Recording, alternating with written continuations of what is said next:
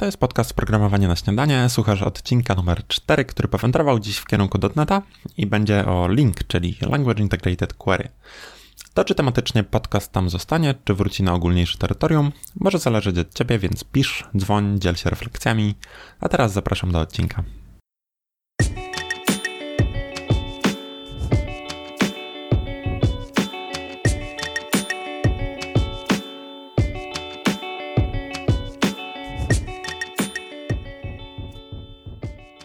Cześć, z tej strony Paweł, witam Cię w czwartym odcinku podcastu Programowanie na śniadanie.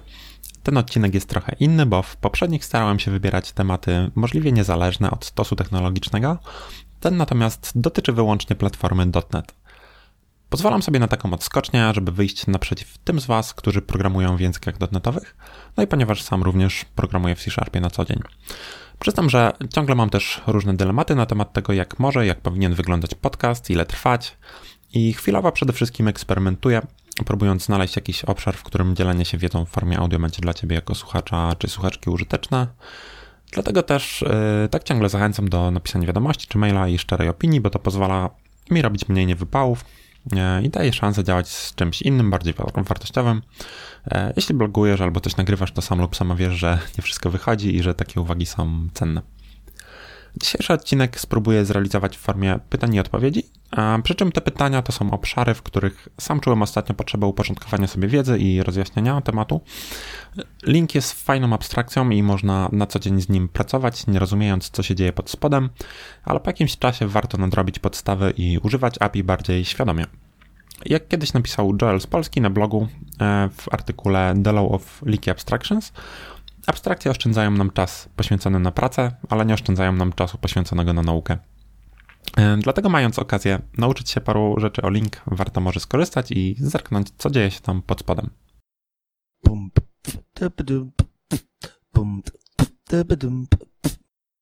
Zacznę więc od listy siedmiu pytań, które nasunęły mi się, kiedy zastanawiałem się, jak działa link.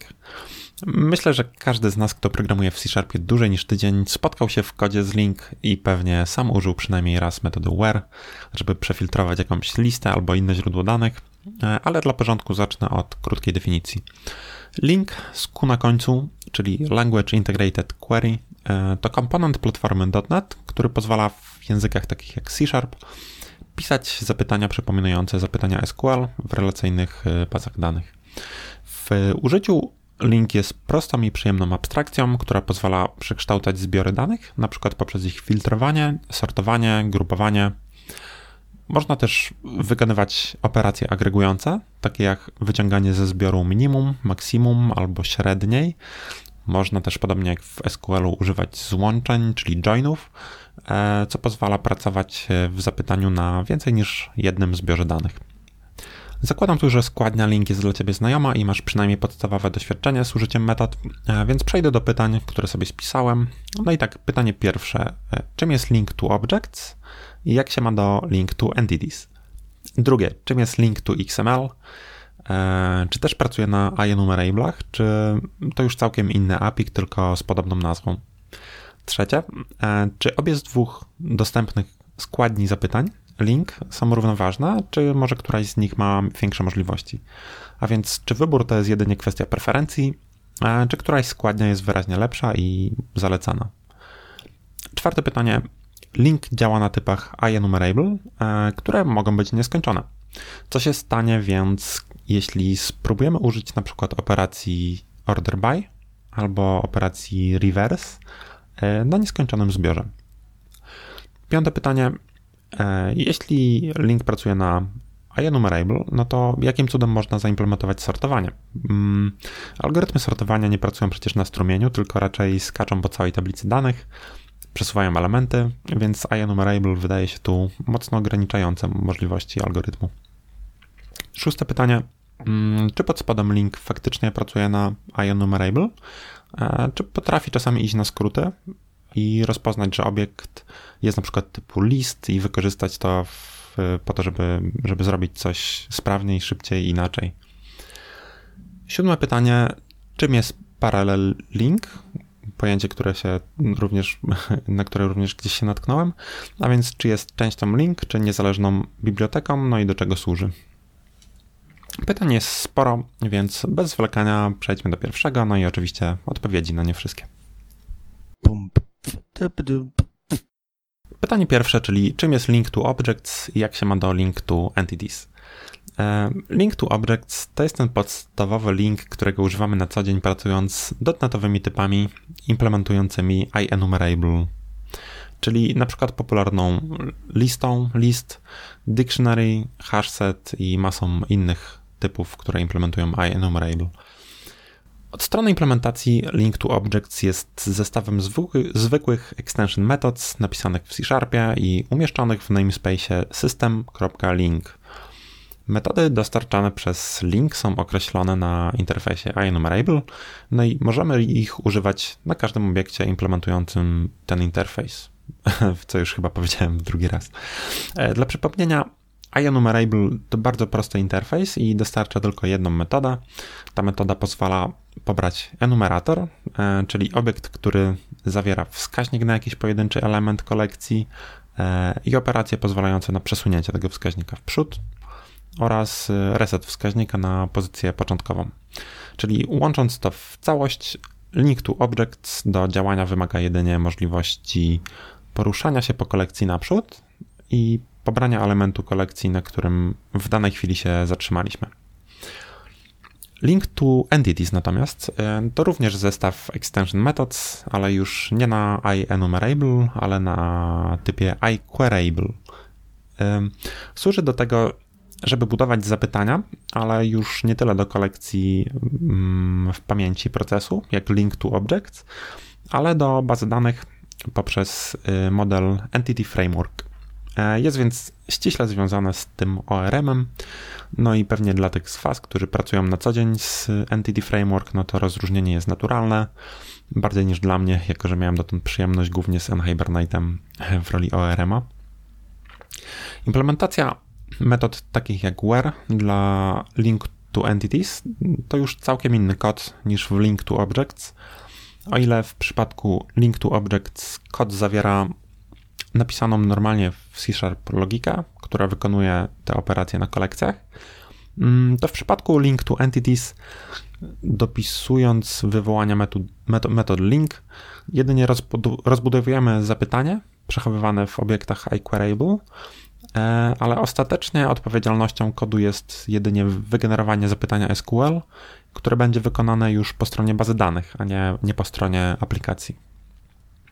Podsumowując, Link to Objects pracuje na IEnumerable, jest bardzo ogólnym mechanizmem, e, a Link to Entities e, pracuje na typie iQueryable, e, jest ściśle związany z Entity Framework. Mam nadzieję, że niczego przesadnie nie przykręciłem i za bardzo nie uprościłem, no i że możemy przejść do drugiego pytania. Drugie pytanie dotyczy tego, czym jest link to XML a konkretnie czy też pracuje na iEnumerable, czy to już całkiem inne API, tylko z podobną nazwą. E, nie używałem link to XML, ale zastanawiało mnie, jak w link można pisać zapytania do XML, skoro XML może opisywać złożone obiekty z rozbudowaną i nieregularną strukturą. E, struktura listy czy tam kolekcji jest, jest tylko małym podzbiorem tego, co można wyrzeźbić w XML-u. Czym więc e, jest link to XML? No bo nie za bardzo widzę, jak z pliku XML można zrobić IEnumerable, e, na którym mogłoby działać takie klasyczne link to objects. Link to XML to API pozwalające na pracę z plikami XML, e, nie tylko na ich czytanie, ale też na modyfikacje. Link to XML siedzi w namespace system XML link, więc to znów inny kod niż link to object e, i dostarcza model pliku XML w postaci kilku klas reprezentujących przykład dokument, tag XML-owy, atrybut w XML-u czy komentarz. W szczególności obiekty te dostarczają nam różnego rodzaju kolekcje, takie jak kolekcja atrybutów tagu albo lista dzieci e, tagu albo lista przodków w strukturze XML-a. No i te wszystkie zbiory danych są zwracane przez obiekty jako e, obiekty typu IEnumerable. E, no i dzięki temu można na nich wykonywać operacje z użyciem link. czy dokładnie link to objects. W tym sensie zestaw klas link to XML pozwala faktycznie pisać zapytania link operujące na XML-ach. Nie wiem natomiast, czy nazewnictwo jest tutaj przesadnie fortunne, bo w zasadzie poza tym faktem e, link to XML nie ma szczególnie wiele wspólnego z abstrakcją link, jaką znamy. E, w przeciwieństwie do link entities nie jest to żadna alternatywna implementacja metod takich jak where czy order by, a jedynie no, zestaw klas pozwalających pracować z XML-em. Trzecie pytanie wzięło się z moich wątpliwości odnośnie do tego, którą składnię link wybrać przy pisaniu kodu. Link pozwala na wybór jednego z dwóch podejść. W pierwszim podejściu wywołujemy po prostu metody na kolekcjach, tak jak normalnie wywołujemy metody na obiektach, czyli piszemy moja lista, kropka, order by, no i w parametrze określamy przez lambda expression, po czym sortować. Drugie podejście, no to użycie składni podobnej do SQL-owej, gdzie zaczynamy konstrukcję od słowa kluczowego from i jedziemy dalej z zapytaniem, które nie za bardzo wygląda jak kod w C-Sharpie, no ale ma wsparcie IDE, kompiluje się i działa. Która z tych składni jest lepsza?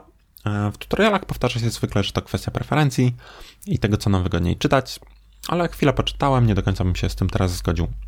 Query syntax, czyli składnia rozpoczynająca zapytanie od from, jest częścią języka C Sharp i zgodnie z jego specyfikacją przekształca potem taki kod na podstawie sztywnych reguł na drugą z form, czyli tą z wywoływaniem metod i z lambdami. Konkretnie w przekształconym kodzie używanych jest 11 metod, takich jak where, select, select many, join i tak e, więc sygnatury tych metod są niejako zahardkodowane w specyfikacji C Sharpa. Są metody, które są dostępne tylko w metod syntax. Na przykład używane na co dzień count albo take albo skip nie mają swoich odpowiedników w składni query syntax. Nie uciekniemy więc przed składnią z lambdami, a co najwyżej będziemy mieszać obie. Mm, prawdę mówiąc, w kodzie bardzo rzadko trafiałem na składnię SQL podobną. No i w związku z tym, że konkurencyjna wobec niej składnia z lambdami daje większe możliwości, osobiście przyjąłbym właśnie ją za standard. Kolejna wątpliwość, która przyszła mi do głowy, związana jest z tym, że iEnumerable może nam dostarczyć coś, co nie jest kolekcją, a raczej jakimś szeregiem. Kolekcja w C-Sharpie rozumiana jest jako coś, co implementuje iCollection, e, a więc ma property count, a więc ma jakąś określoną liczbę elementów. Natomiast przez iEnumerable możemy łatwo dostarczyć enumerator, który wygeneruje nam nieskończony ciąg liczb, e, dostarczając na przykład w kółko na zmianę liczby 5 i 10. E, co w takim razie stanie się, jeśli na takim nieskończonym szeregu wywołamy operację e, taką jak sortowanie, link, czyli order by, albo inną taką jak reverse, która odwraca kolejność elementów otrzymanych na wejściu? Łatwo sprawdzić odpowiedź. E, operacja taka jak sortowanie nieskończonego szeregu liczb nigdy się nie skończy. Program w, w końcu wyczerpie dostępną pamięć i zakończy się wyjątkiem. To w sumie intuicyjne, bo nie moglibyśmy się spodziewać, że uda się posortować szereg nie mający końca. E, żeby jednak trochę szerzej spojrzeć na zagadnienie, warto zauważyć, że niektóre metody link bez problemu mogą działać na nieskończonych szeregach jeśli na przykład złożymy dwie operacje, takie jak filtrowanie przez where, a po nim nastąpi take, e, które pobiera z szeregu zadaną ilość elementów i ją zwraca, e, to nie wpadniemy w żadną nieskończoną pętlę, e, tak jak to było w przypadku order by, no, tylko dostaniemy wynik. To, co różni operację where od operacji order by, to to, że where do działania nie potrzebuje tak naprawdę całego zbioru danych, a jedynie pojedynczego elementu, dla którego where podejmuje decyzję, czy ten element spełnia warunki filtrowania, czy nie. Ujmując to inaczej, where może pracować na strumieniu danych, e, nawet nieskończonym, i na raty zwracać wynik swojego działania. E, w kontraście do tego, order by potrzebuje od razu całego zbioru danych, żeby zwrócić sensowny wynik. E, I wszystkie operacje w link można sklasyfikować na podstawie sposobu ich wykonania e, do jednej z trzech kategorii. Operacji wykonywanych natychmiast, operacji wykonywanych leniwie, strumieniowych i operacji wykonywanych leniwie, niestrumieniowych. Order by jest przykładem operacji wykonywanej leniwie, ale która nie jest strumieniowa. Tego typu operacja wymaga kompletu danych wejściowych, e, żeby zwrócić cokolwiek na wyjściu. E, innym przykładem, e, oprócz order by, może być group by, który również zachowuje się w ten sposób.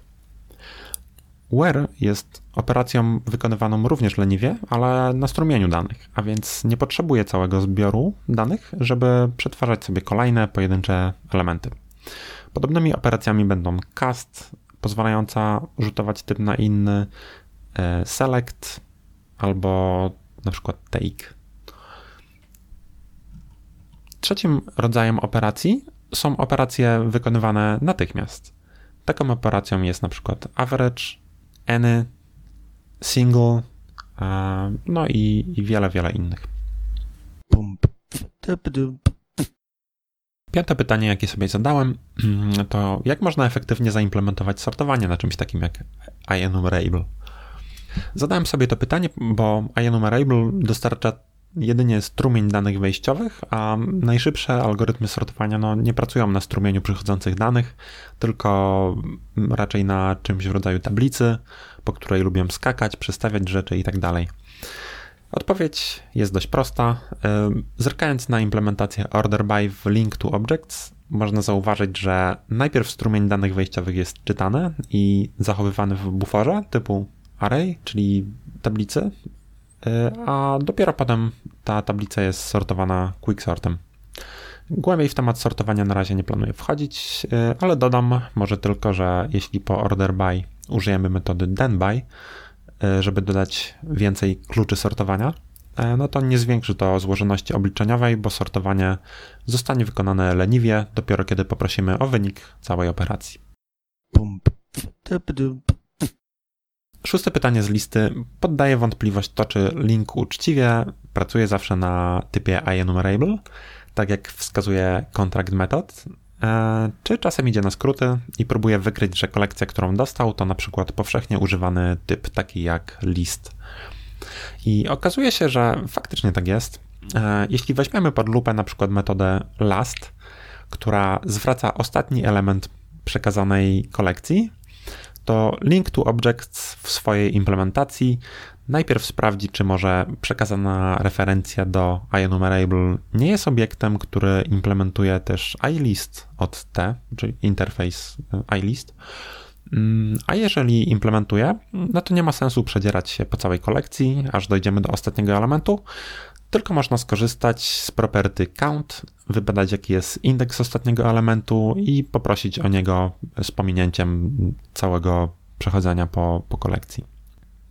Pewnie takie rozpoznawanie typu obiektu łamie jakąś zasadę programowania, ale możemy być wdzięczni, że Link dbając o wydajność implementacji ucieka się czasem do takich sztuczek i wykonuje operacje szybciej niż gdyby to robił pracując faktycznie zawsze na IEnumerable.